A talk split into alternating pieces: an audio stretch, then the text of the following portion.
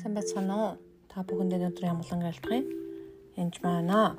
Тэгэхээр энэ удаа та бүхэндээ удмын хараалт холбоотой хэсгээсээ явж байгаа. Тэгэхээр энд эхлээд залбирах хэрэгтэй. Эзэн минь ээ. Таны дотор хүчтэй дайчин байхын тулд хараал болон өвөг эцэг удмын гим нүглийг илчиж өгөөч ээ Харин сүнсээ надад харуулж бас сануулж өгөрөө. Бүр ууг угшил болон үндсийг нь харуулаач ээ. Та намайг залмаа дээр үглээрээ цусараа бүрэн чөлөөж цэвэрлсэн гэдгийг би мэднэ. Гэхдээ гимшиг чөлөөлөгдөх талбар салбар байвал та надад харуулж бас сануулж өгнө үү гэж залбираараа. Тэгэхээр энэ дээр эзэн та чамаа гимгүү болгосон зүвтгсэн гэж хэлсэн мөртлөө та нар гимгүү гэж хэлвэл худлаа байх болно гэж нэгдүгээрийнх нь нэгийн нэг дээр хэлдэг байгаа.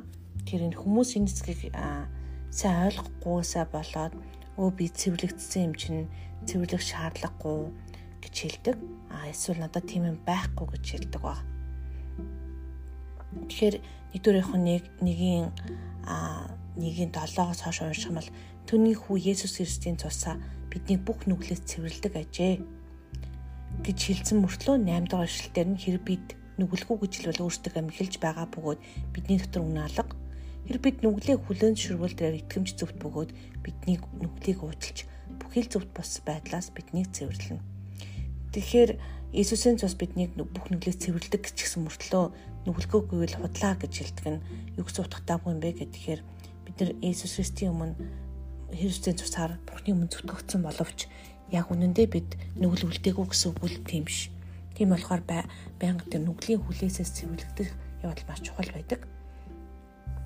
Тэгээд энийг би өөрөө мэдэж байгаа учраас хэлж байна. Яагаад вэ гэвэл жишээл манай удамд байсан хараалуудаас тасрах үед ээж маань эдгэрч би ч гэсэн эдгэрч байсан байгаа. Гэтэл би Иесус Христийн тусаар эдгэрсэн уган чөлөөлөгдсөн хүн шүү дээ. Хэсэн гисэн тийм боловч бас энэ бүхнийг мэдэх явдал чухал гэдгийг би сүүлийн 12 жилийн турш мэдэж байна. Тэгэхээр сүнс ер нь бол удмын одоо хараал чим аав ээжс үүсэлтэй гомдол энэ төр эхлээд зөндөө олон газар байдаг байгаа. Ер нь бол сэтгэл санаа бие махбод болон оюун ухаантай холбоотой дарамтууд ялангуяа удмын өвчнгүүдийг сайн анзаарах хэрэгтэй. Сэтгцийн өвчнгүүд маш их удамшдаг. Энэ бол удмын хараалтай холбоотой байдаг. Дон дондолтууд, жил архины юм уу тоглоомын дондолтууд удамших тохиолдол маш их байдаг.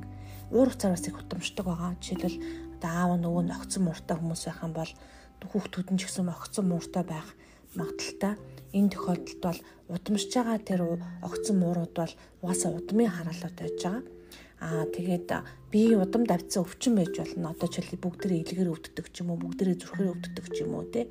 Аа бүгдээрээ одоо арсны харшилтаа ч гэх юм уу. Энэ тохиолдолд бол бүгдээрээ шаагрын шижиг өвчтөө ч гэх юм уу. Энэ тохиолдолд бол яг удмын хараал байгаа. Тийм учраас өмнө таслах зайлшгүй шаардлагатай. А шашны гаж урсгал гэсэндээ аав нээж нь гаж урсгалаар явж байгаад хүүхдтэй үлдээсэн ч юм уу тэр сүнсүүд нь жишээлбэл сэтгцийн дээр дарамтууд байгаа л да одоо сэтгэл гутрал гэдэг юм бол сүнс байгаа. Жишээлхэд тэр нь бол аав ээж тэгээ доошоогоо дамжих бас магадлал байгаа. Тэгээд би завхаар л байгаа бас одоо гэрийнхэн салалтын сүнс бас байдаг. Аав хамаатан цаданда бүгд салцсан хүмүүс байдаг. Завхаар л байдаг байгаа. Тэгэхээр яг танаа гэр дотор чинь танаа удам дотор чи яг юу байгаад байна гэдгийгсээ анзаарч харах хэрэгтэй. Аа тэгээд тэндээс яг тэрийг харж байгаа тэр гинүглийг гимших хэрэгтэй байгаа. Аа Тэгээд Изекэл 18:30-ыг уншиж байгаа. Тиймийн тулд Израилийн гэрээ би та нарыг хүн бүрийнх нь байгаа байдлын дагуу шүүн гэж эзэн бурхан тунхаглаж байна. Хууль бус нь та нарт бүдрэх чулуу болчихгүй тул гимшиж өөрсдийн бүх гим буруугаас эрэг. Үйлцэн хамаг гим буруугаа чи өөрөөсөө зайлуулж өөрийгөө шин зүрх шин сүнстэй болгоо. Учир нь Израилийн гэрээ ягаад чи өхөн вэ? Учир нь би өгсдийг хинийхэн чөхөлд баярлдаггүй гэж эзэн бурхан тунхаглаж байна. Тиймээс гимшиж амьдр. Энд дээр зөвхөн гимшээс гадна яг гим бургаас эргэх явдал маш чухал байгаа.